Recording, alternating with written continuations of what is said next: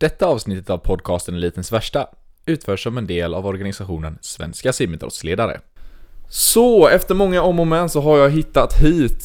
Efter att parkeringsappen strulat och nätverket inte velat så sitter jag äntligen mitt emot den fantastiska Emma Igelström. Allt bra med dig? Det är jättebra. Härligt. Och du har nyss kommit hem från träningen. Känner du dig lite sliten så här nu i... Eller hur, hur känner du dig? Ja, men jag är typ, jag tränar ju, eller jag ju alltid tränat väldigt mycket och jag har väldigt, liksom, tränat väldigt mycket även efter simkarriären. Eh, så att jag har så någon standardkänsla är nog att vara rätt sliten. Jag gillar typ det. Mm. Ja, det är riktigt härligt. Man kommer hem och bara lägga sig på soffan och känner att alla musklerna bara gör ont och man är helt slut. Ja verkligen. men det är typ bästa, bästa känslan. Ja, bland det bästa jag vet. Men Ja. du har börjat köra lite mer crossfit nu pratade vi om innan. Lite likt Robin Andreasson där. Hur är det för dig? Eh, jo men det är bra. Jag var, eh, eller när jag slutade simma så tränade jag allt möjligt. Men sen så satsade jag ganska många år på triathlon, långdistans triathlon. Så jag körde ju så här riktigt så här jättelånga eh, Ironman och lopp upp mot 10 timmar. Mm. Eh, sen kände jag väl att typ tiden inte fanns där riktigt. Nej, för det är väl mycket träning som går ner i det. Att liksom, och väldigt mycket teknik också kan jag tänka mig. Ja, och väldigt mycket cykel. Alltså du måste Ja. göra extremt många timmar på cykel och då går hela helgerna. Ja, Sen fastnade jag lite för, eh, igen, för styrketräningen. Mhm. Eh, Men kände att jag behövde ett litet tävlingsmoment. Jag älskar att tävla. Och då hittade jag till eh, Crossfit-boxen. Eh, Mm. Och ja men typ, jag älskar det. Jag tycker det är kul. Mm. Eh, Det är kul träning, det är gött häng liksom. ja, härligt. Du, jag kan ju typ ingenting om crossfit. Eh, om man tävlar i det, hur, vilka olika tävlingsmoment finns det där ungefär? Ja men det finns ju en miljon olika tävlingsmoment. Ah, okej. Eh, Men alltså man kan ju säga i grunden så är det ju tre saker som man ska vara bra på. Det är styrka, styrka det är kondition och det är gymnastik. Mhm. Eh, Gymnastik alltså? Ja, men alltså gymnastik i form av att eh, du jobbar ju mycket i eh, ehm, ja, men hängande med chins och pull-ups och eh, hopprep och eh, repklättring och allting. Men sen det finurliga med crossfiten är ju när du tävlar så får du aldrig reda på innan vad du ska tävla i. Det är inte Aha, som simning, oj. du vet så att ja, men nu simmar vi 50, 100, 200 bröstsim den här eh, helgen. Ja. Utan det är ju så här, det kan komma vad som helst. Oj shit, det är lite som eh, Mystery Medley när man inte vet vad man ska simma i ordning där. Fett. Ja men exakt. Fan vad fett. Ja, eh, vilket gör att du, alltså de toppatleterna i världen, de är ju helt sjukt Mm. tränade. Ja, ja, man har ju sett eh, några virala crossfit-klipp som, ja, de är galna Ja liksom. men det är helt galet. Men det är inte på den nivån alls. ja. Men det är en kul eh, tävlingsform, eh, träningsform och eh, jag ska göra faktiskt min första tävling nu i november förhoppningsvis. då. Ah, fett. Har du några mål inom crossfiten när det kommer till tävling eller är det bara mest för skojs skull? Nej, det är mest för skojs skull. Sen är det jävligt kul att det finns så mycket olika mål att Mm. sätta. Jag har till exempel alltid varit väldigt konditionsstark. Jag har varit stark för att vara tjej. Ja. Men jag har ju sugit på alla så gymnastiska övningar som Mm. chins och pull-ups och ja men du vet hopprep och Mm. eh, man ska hänga i ringar och allt möjligt. Men där har blivit mycket, mycket bättre och den utvecklingen ger mig väldigt mycket. ja, så att eh, koordinationen har varit det som brister men sen har det liksom det väsentliga funnits där liksom. Ja men lite så. Det är Ah. som alla simmare. Ja, jo verkligen. Ja, halv dåliga ko- koordination på kan land ju, liksom. ja, gud kan ju känna igen med det som, som fan liksom. Ja. Ehm, nu tycker jag att vi ska prata om lite simning du och jag. Så innan vi börjar med det så ska vi rulla en vignett.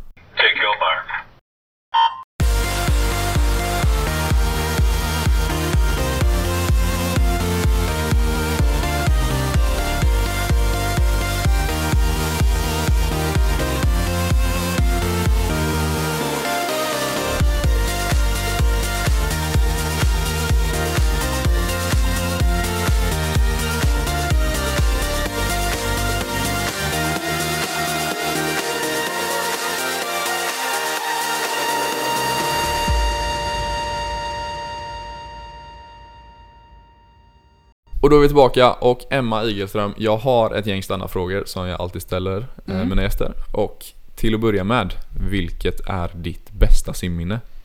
Eh, alltså egentligen så handlar mitt bästa simminne inte om mig själv. Utan det är faktiskt när Lars Frölander vann OS-guld i Sydney Aha. 2000. Ja, Jäklar alltså! Eh, det var så stort. Jag var ju där på plats, jag gjorde mitt första OS. Ja. Eh, och eh, för mig blev det lite så här wake up call när han tog det där OS-guldet att lite så här kan han så kan jag. Mhm. Vilket också gjorde att det blev liksom en, en stor grej för mi- mig och min karriär. Att Mm. jag såg att det var möjligt fast man kom från Sverige.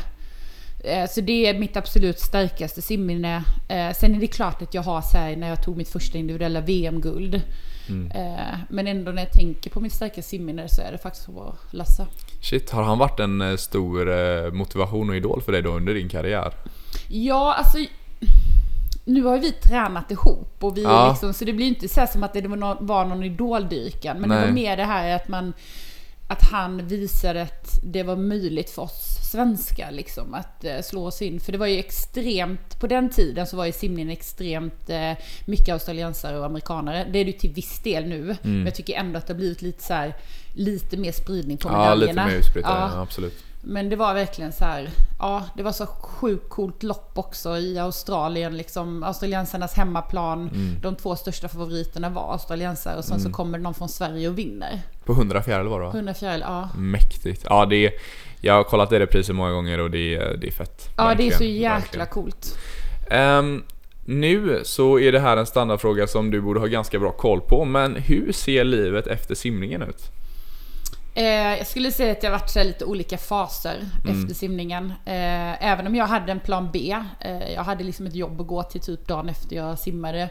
Så var det också en väldig tomhet. Eh, det har ju varit något som präglat så extremt många år av mitt liv och ja, men hela min uppväxt egentligen. Eh, jag var i landslaget i 12 år.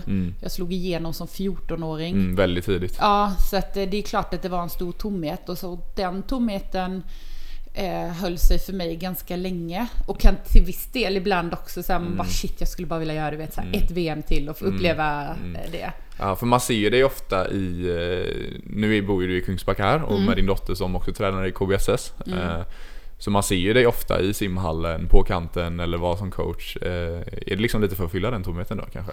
Eh, Eller är det bara för att du har ett brinnande intresse? nej, alltså jag skulle nog säga att mer ett brinnande intresse och också att jag vet hur viktiga de ideella krafterna är för föreningslivet. Alltså Mm. Ja, jag, ja, jag kan typ tycka att det är lite läskigt idag att inte alla barn och ungdomar har möjlighet att faktiskt utöva den idrotten de vill. För att det har ju ändå blivit lite en pengafråga, ekonomisk fråga och också eh, ja, men tillgångar till hallar, till barntider, till eh, simhallar verkligen. som går sönder. Verkligen. Så lite så här mer för att faktiskt ge tillbaka. Och till den tredje standardfrågan, vad hade du haft för karriär om du inte simmar tror du? Hade det varit någon annan idrott där kan jag misstänka eller? Eh, ja, det tror jag att jag hade haft. Jag har alltid liksom varit fysisk och gillat att träna och sådär. Men jag har också alltid haft en jädra drivkraft i skolan. Okej. Eh, så jag tror att oavsett vad det hade blivit så hade det blivit någonting där man hade varit tvungen att prestera på en väldigt hög nivå. Du har alltid varit eh, duktig akademiskt alltså? Ja, Vad, eh, har du pluggat någonting, eller har du pluggat mycket i ditt liv? ja det har jag gjort. Eh, eller mycket, nej alltså jag har haft väldigt lätt för mig. Ja. Jag gled igenom kan jag säga högstadiet och Ja, gymnasiet med Ja. sjukt bra betyg. Men Ja. Jag har pluggat ekonomi på högskolan eh, Ja. och eh, eh, ja, men även andra kurser. Jag tycker det är kul att plugga. Mm, härligt. Eh, och till den sista frågan, vad är din bakgrundsbild på din telefon? Eh, min bakgrundsbild eh, på min telefon just nu är faktiskt från Gotland, där vi Asså? var i somras. Ja. Ja, Okej, var det på lite hemester då nästan? Eh, Ja, det var det. Jag var och gjorde ett jobb där, faktiskt en tv-inspelning. Ah. Eh, så då följde Olivia och hennes eh, simkompis från Borås med dit. Ah, vad roligt. så hängde vi där några dagar. Vad roligt, kanon. Då får eh, Gotlandsresan summera dessa standardfrågor så eh, har jag lite mer specifika frågor. Ja, Till att börja med, ehm, jag tänker det vore, ju, det vore ju inte rättvist att inte prata om ditt extremt ikoniska världsrekord på 50 bröst eh, som du tog i Moskva 2002, om jag inte minns fel. Ehm, för er som inte vet så var alltså Emma Igelström den första simmerskan någonsin i historien att gå under 30 sekunder på 50 bröst i kortbana. Ehm, jag är supernyfiken på hur träningen och uppladdningen och allt det såg ut inför, inför det här loppet. Kommer du ihåg det? Ja, jag kommer mycket väl ihåg det för att jag hade, alltså det var en sån sjuk tid i min simkarriär. Alltså jag, eh, för det första hade jag ett självförtroende som var så grymt för att jag hade, Åh, vad skönt. ja men jag gick verkligen in i det mästerskapet och jag hade gjort precis allting enligt plan. Eh, Jag hade slagit världsrekord innan det mästerskapet eh, flera gånger. Eh, fler, tre gånger tror jag det slagit Mm. det. Men vi hade också varit några som hade liksom, det var som att vi tog det från varandra varenda tävlingshelg. Jaha, okej. Ja, så Vad att det så här roligt. sänktes ner hela tiden. Så det var ju ändå så här, det var ett lopp som jag väldigt, väldigt gärna ville vinna. Och jag det Mm. var ju också mitt första individuella VM-guld. Men sen var det några veckor innan det där mästerskapet som jag gjorde en sån sjuk jäkla serie på träning. Jag simmade 10.50 bröstsim, starten 30 uppifrån. Och jag snittade under 30,5.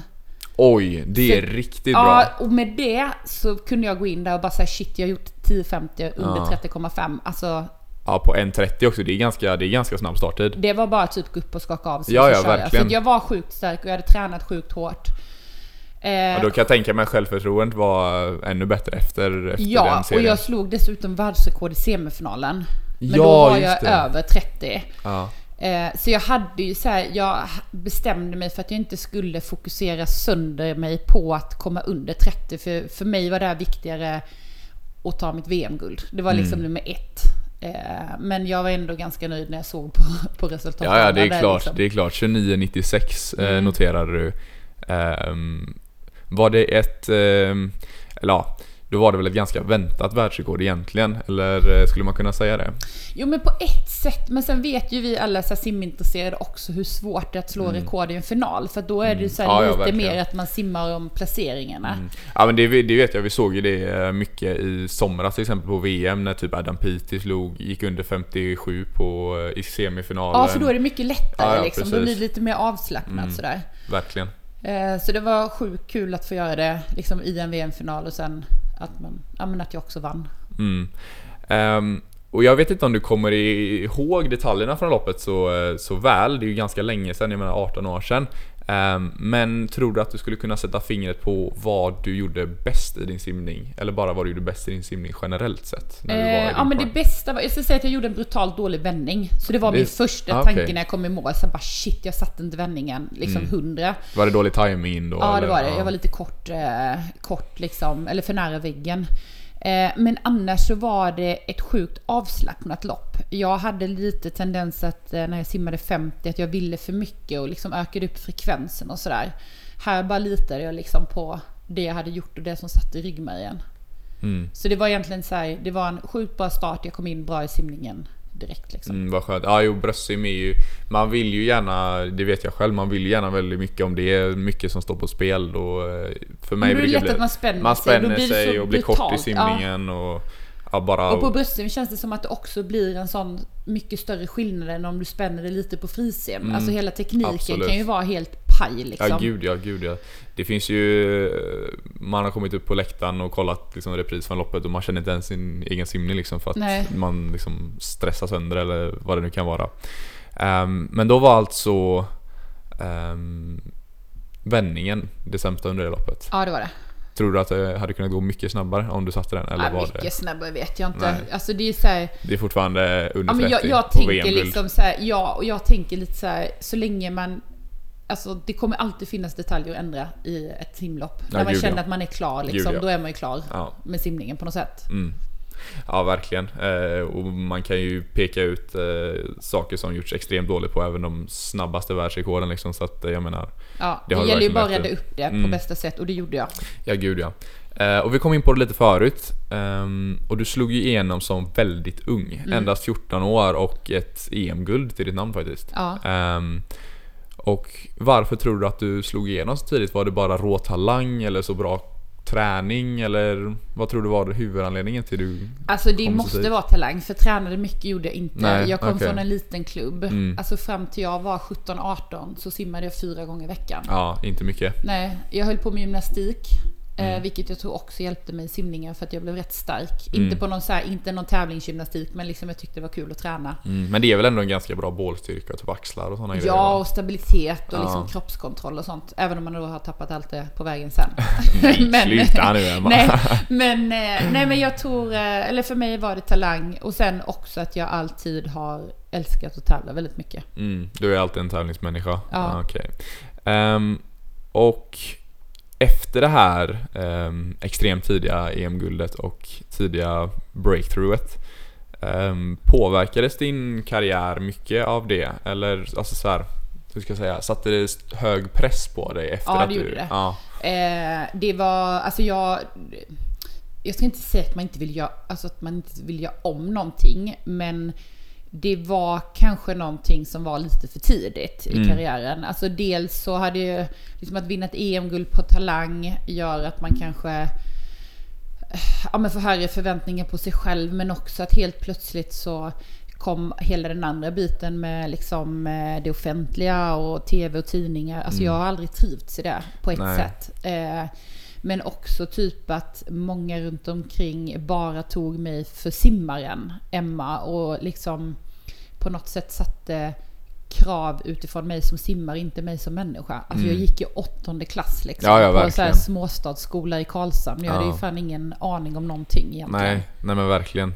Alltså, eh, så det var, det jobbigaste var kanske egentligen pressen och att alla, ja pressen och pressen helt enkelt. Alltså ja, men pressen ja, och, och sen bara så du vet komma från en liten stad där det är Ja. mycket jantelag liksom. Mm, mm. Jag kunde inte vara stolt över det jag hade gjort för då Nej. var det så här, då var jag en diva och Ja, så här sa jag ingenting, då var jag dryg. ja. Eh, så nej men det var en så här, det var en ganska omtumlande tid. Mm. Det var det. Ja, det finns verkligen inget sätt man kan, man kan vinna den striden liksom. Nej men det är absolut, det kan jag verkligen tänka mig. Ehm, och det var ju väldigt stort att åstadkomma det här. Ehm, och jag kan tänka mig att du var, jag vet inte hur jag ska lägga fram det här, men efter det här EM-guldet så var du väl i en ganska bra form kan jag tänka mig. Har det, och jag antar att du har haft liksom dippar där det gått sämre och det går bättre också.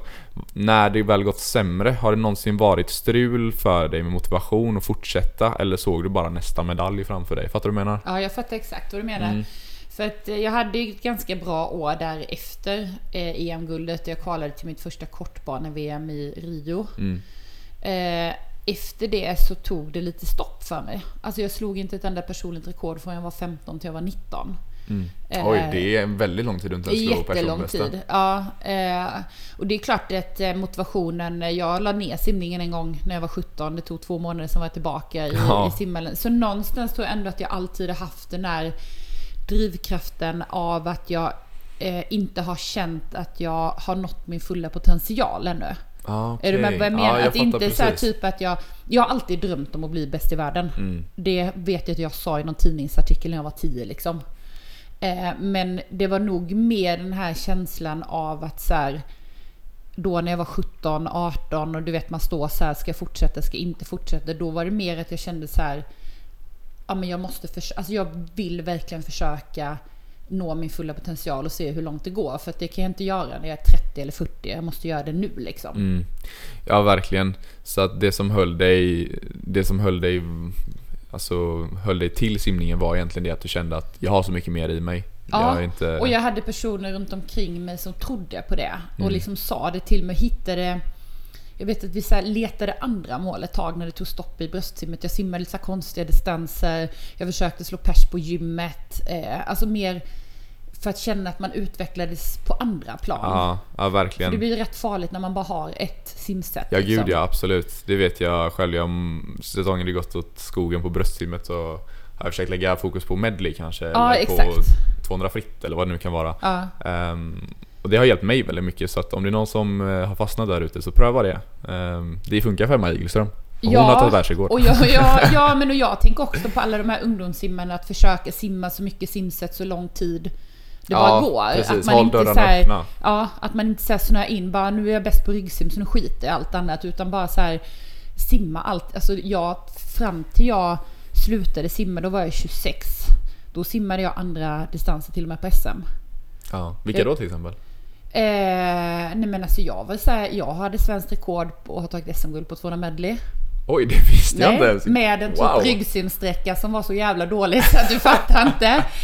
Eh, jag har tagit eh, sumsimguld på 800 frisim. Oj, där ser man. Jag Ja. hade ingen aning om Nej, det. ja, men så att jag har ändå, så här, jag har ändå försökt så här, Sen så kommer man ju till mästerskap. Jag hade hoppats faktiskt att kunna simma något mästerskap någon gång på 200 medley, typ EM eller VM. Men det låg alltid typ samtidigt som 100 bröstsim. Mhm. Mm. Ja, precis. Och jag vet ett DM som jag simmade i Stockholm, jag simmade i spårvägen. Då simmade jag nästan varenda lopp på hela DMet. Ja, Bara för att samla på mig lopp. wow. liksom. Ja. Det är ju bra träning Ja, definitivt. sjukt bra träning. Ehm, och när träningen var... nu får, du, nu får du peka lite under hela din karriär här. Eh, när träningen var som tuffast, hur var den då och när var det? Eh, alltså det tuffaste var nog när jag tog beslutet att flytta till spårvägen. Eh, det var direkt egentligen efter, jag hade börjat tävla för spårvägen sista halvåret på gymnasiet. Och sen flyttade jag upp dagen efter studenten och började träna med Micke Holmertz. Ja. Och då eh, blev det en sån stor omställning för mig eh, i att gå från Karlshamn där jag inte hade någon att träna med 4-5 dagar i veckan till att träna typ 10-12 pass i veckan. Ja. Och helt plötsligt så var liksom, vi hade ett lag som vann SM och sådär.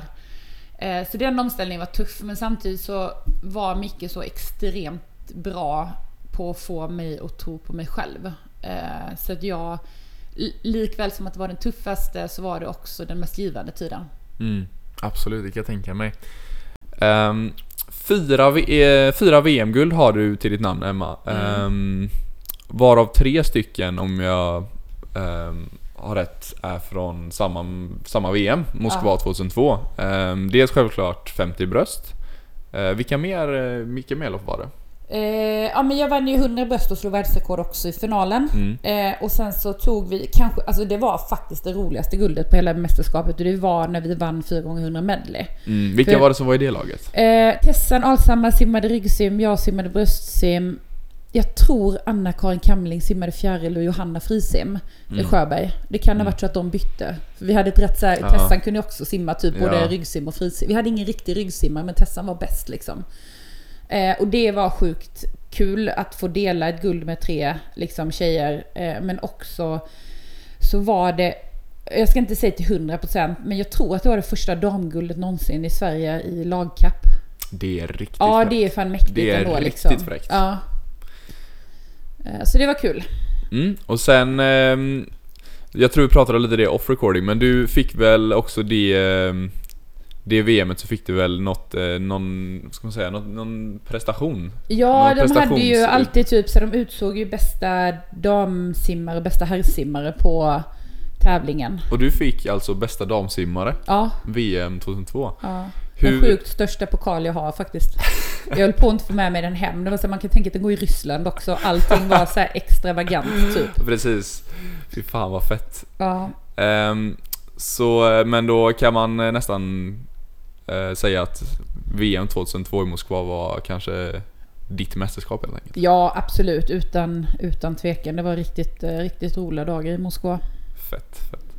Ehm, och jag tänkte på, när du väl eh, hade tagit alla dina EM och VM-guld och så, eh, så tiden som följde efter att du la baddräkten på hyllan var ju rätt tuff för att säga det milt. Ja. Ehm, varför då tror du?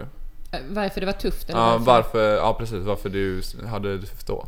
Eh, nej men det handlade väl om lite olika saker tror jag. Men framförallt handlar det nog om att jag alltid har satt en sån extrem press på mig själv. Eh, jag har ständigt liksom, vad ska man säga, mått som jag har presterat. Så, du vet, så här, har jag gjort ett bra träningspass så har jag mått bra. Har jag gjort ett, eh, en bra tävling har jag mått bra. Och Ja. så tvärtom. Liksom, att mitt mående har alltid hängt ihop med, med hur jag har liksom presterat i bassängen. Eh, och den pressen trodde jag skulle försvinna när jag slutade tävla. Men det blev nästan ännu värre. Alltså jag försökte Ah, okej. hitta liksom så substitut till att få den där kicken av att vara bäst på någonting. Mm. Ja, ja absolut. Ehm, så du, eh, man kan säga det som att du saknade simningen väldigt mycket då egentligen. Ja, jag saknade kicken av att tävla ska jag säga. Mm.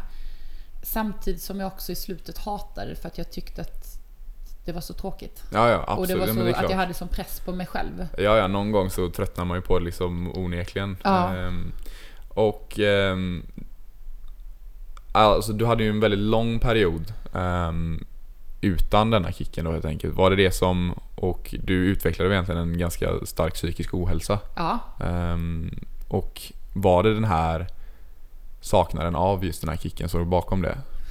Ja, att jag kanske inte hade under min karriär tagit hand om människan Emma så mycket. Mm. Utan jag hade bara vårdat simmaren Emma. Och liksom aldrig funderat på så här, vem är jag utan simningen? Eh, vad vill jag? Alltså jag har ju så här levt med pressen sedan jag var 14 år. Eh, och jag hade ingen aning om vem jag var utan simningen. Och jag kan säga så här, många trodde att jag var skitsjälvsäker och liksom, men jag hade vunnit massa VM-guld och EM-guld och hade världsrekord.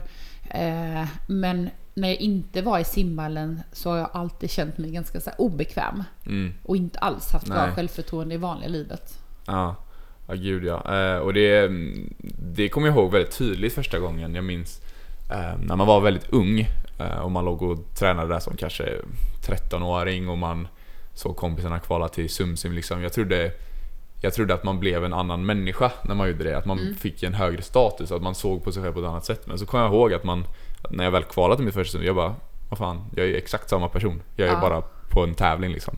Ehm, och det var en ganska så stor, eh, stor ändring för mig. Jag vet inte om det var samma, samma som du upplevde med dina, när du väl tog VM-guld, att du trodde att det skulle bli liksom så här osårbar liksom, eller? Jag kanske är helt eller- ute och cyklar Nej, nu. fast jag förstår exakt vad du menar. För jag, eftersom jag hade drömt om att vara bäst i världen så länge så tänkte jag att den dagen jag blir bäst i världen då är jag i någon sån här utopi av lycka. Alltså jag kommer vara så världens lyckligaste människa och bara... Mm. ja. ja men precis, det var det Ja. jag menade. Och sen så går jag upp på den där VM-prispallen och bara tar emot medaljen och nationalsången spelas och jag bara så här, jag känner ingenting. Nej. Jag är bara tom liksom. Nej. Och den var lite så här chockad och det tror jag man, precis som du säger, det kan man ju säga, det måste ju inte vara ett VM. Nej. Det kan ju vara så att man klarar av sina studier Ja. eller att man kvalar till SumSim eller bara slår ett, liksom, du vet första gången under minuten på 100 Ja, ja, ja, eller gud, vad det är liksom. Man är ju fortfarande samma person utanför simningen liksom. Och man, Ja, och det är inte i så här, det är inte i medaljerna som lyckan sitter. Den måste man nog börja leta efter utanför idrotten. För jag tror att kan man göra det och vara lycklig oavsett hur det går i bassängen så kommer man också ha en mycket mer hållbar karriär och kanske orka hålla på fler år och också orka ta de här motivationsdipparna som vi pratade om innan. Mm, verkligen. Eh, och du sa ju att du tog inte så bra hand om... Du tog bra hand om simmerskan Emma, men inte bra hand om människan Emma. Ja. Ehm, hur menar du då? Eh, nej men jag funderade nog aldrig riktigt på vem jag var utan eh, simningen.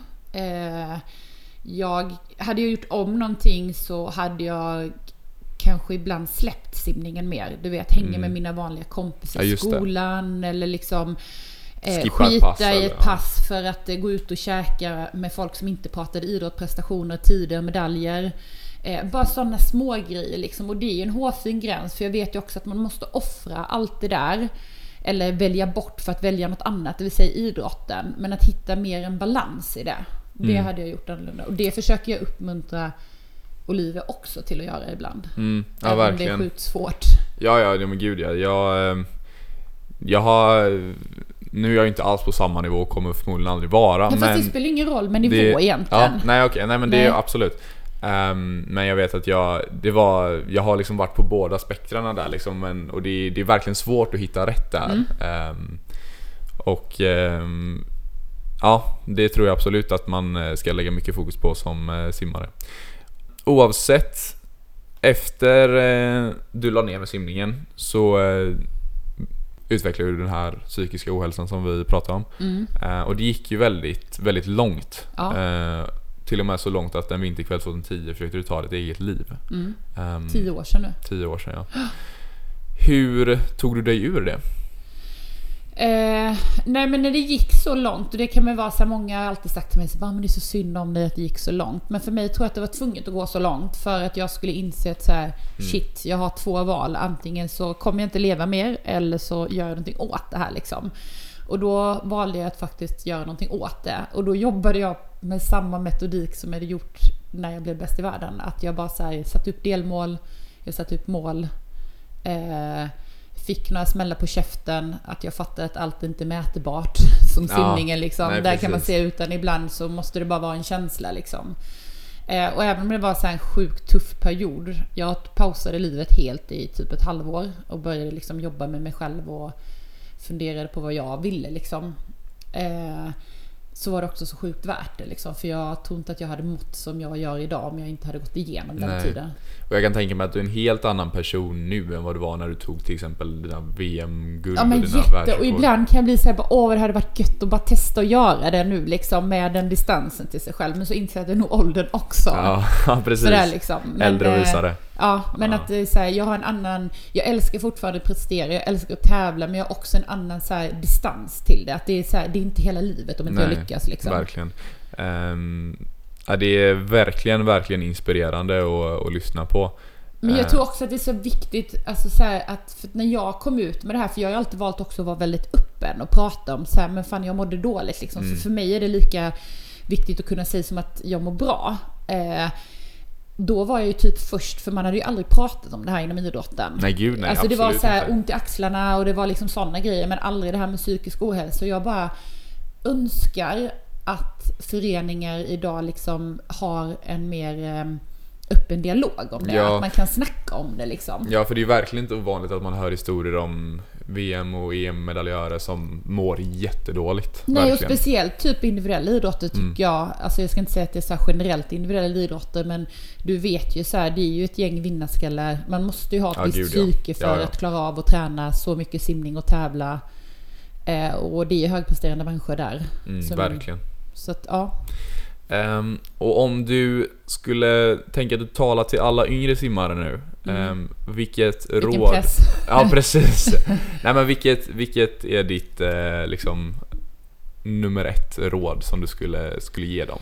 Ja, men alltså jag tycker typ att det finns så här ett råd generellt i livet och framför allt till eh, de yngre. Alltså ha kul på vägen. Det är liksom styr, alltså jag tror så här, om inte det är glädjen som styr idrotten, då kommer inte prestationerna heller. Eh, inte i längden. Så att eh, unna er att ha kul på Mm. vägen och fira framförallt när man har nått framgångar. Att så här, har man nått ett mål, stanna upp lite grann och fira liksom. Mm. Var, det, var det det du slarvade med lite kanske? Ja men lite, ja inte lite, ganska mycket för jag var Ja. redan på nästa mål. Ja. Istället för att bara säga shit, slå mig själv lite på bröstet bara, Mm. ja men jag gjorde det liksom. Mm, mäktigt, mäktigt. Du Emma, ska vi gå vidare lite och prata om det vi faktiskt är här för att prata om? Mm. Nämligen dina allra värsta lopp någonsin. Mm.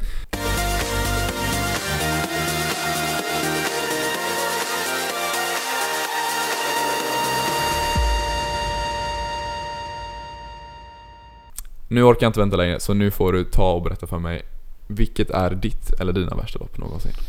Eh, jag har två värsta lopp. Mm. Eh, ett var Sumsim 91.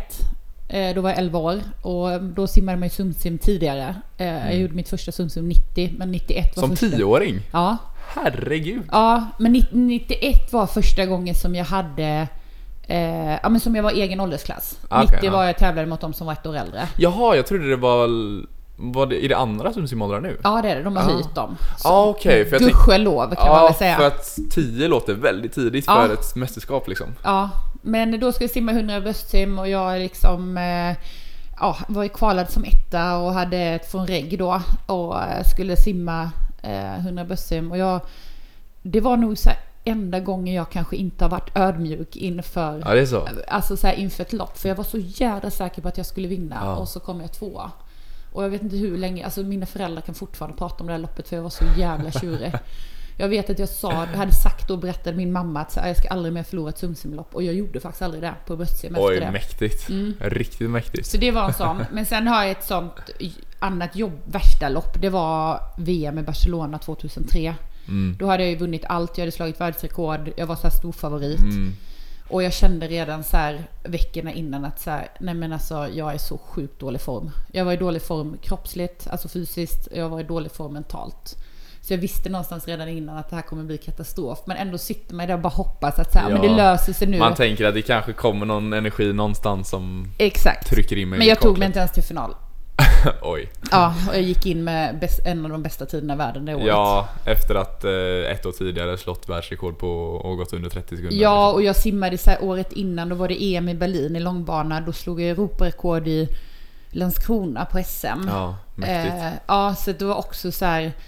Ja, men fram tills dess hade allt gått min väg. Jag slog världsrekord på SM på 50 bröstsim och 100 bröstsim. Också riktigt fräckt. Ja, 2003. Ja. Så det var bara några månader innan det här VMet. Så jag hade verkligen varit i bra form. Och så bara i Barcelona bara, du vet, ingenting funkade. Just det, media hade hypat upp det. Ja. Bara, det här är Emma Igelström, Ja, hon och det var bara så här, mm, alla rubriker var bara så här, Emmas tårar, Ja. du vet. Nej, det var shit. inget kul mästerskap. Nej, det. Och hela Sverige misslyckades. Alltså det var så. alla simmade skitdåligt. Ja. Ja, shit. Vilka var det som, eh, vilka stora namn var med då? Nej men det var ju så här Frölander, Alshammar, Kammerling. Shit. Och vi hade ju ändå så här, det hade ju alltid varit någon som hade lyckats. Ja, och vi hade ju tagit VM-guld i lag där i Moskva. Ja.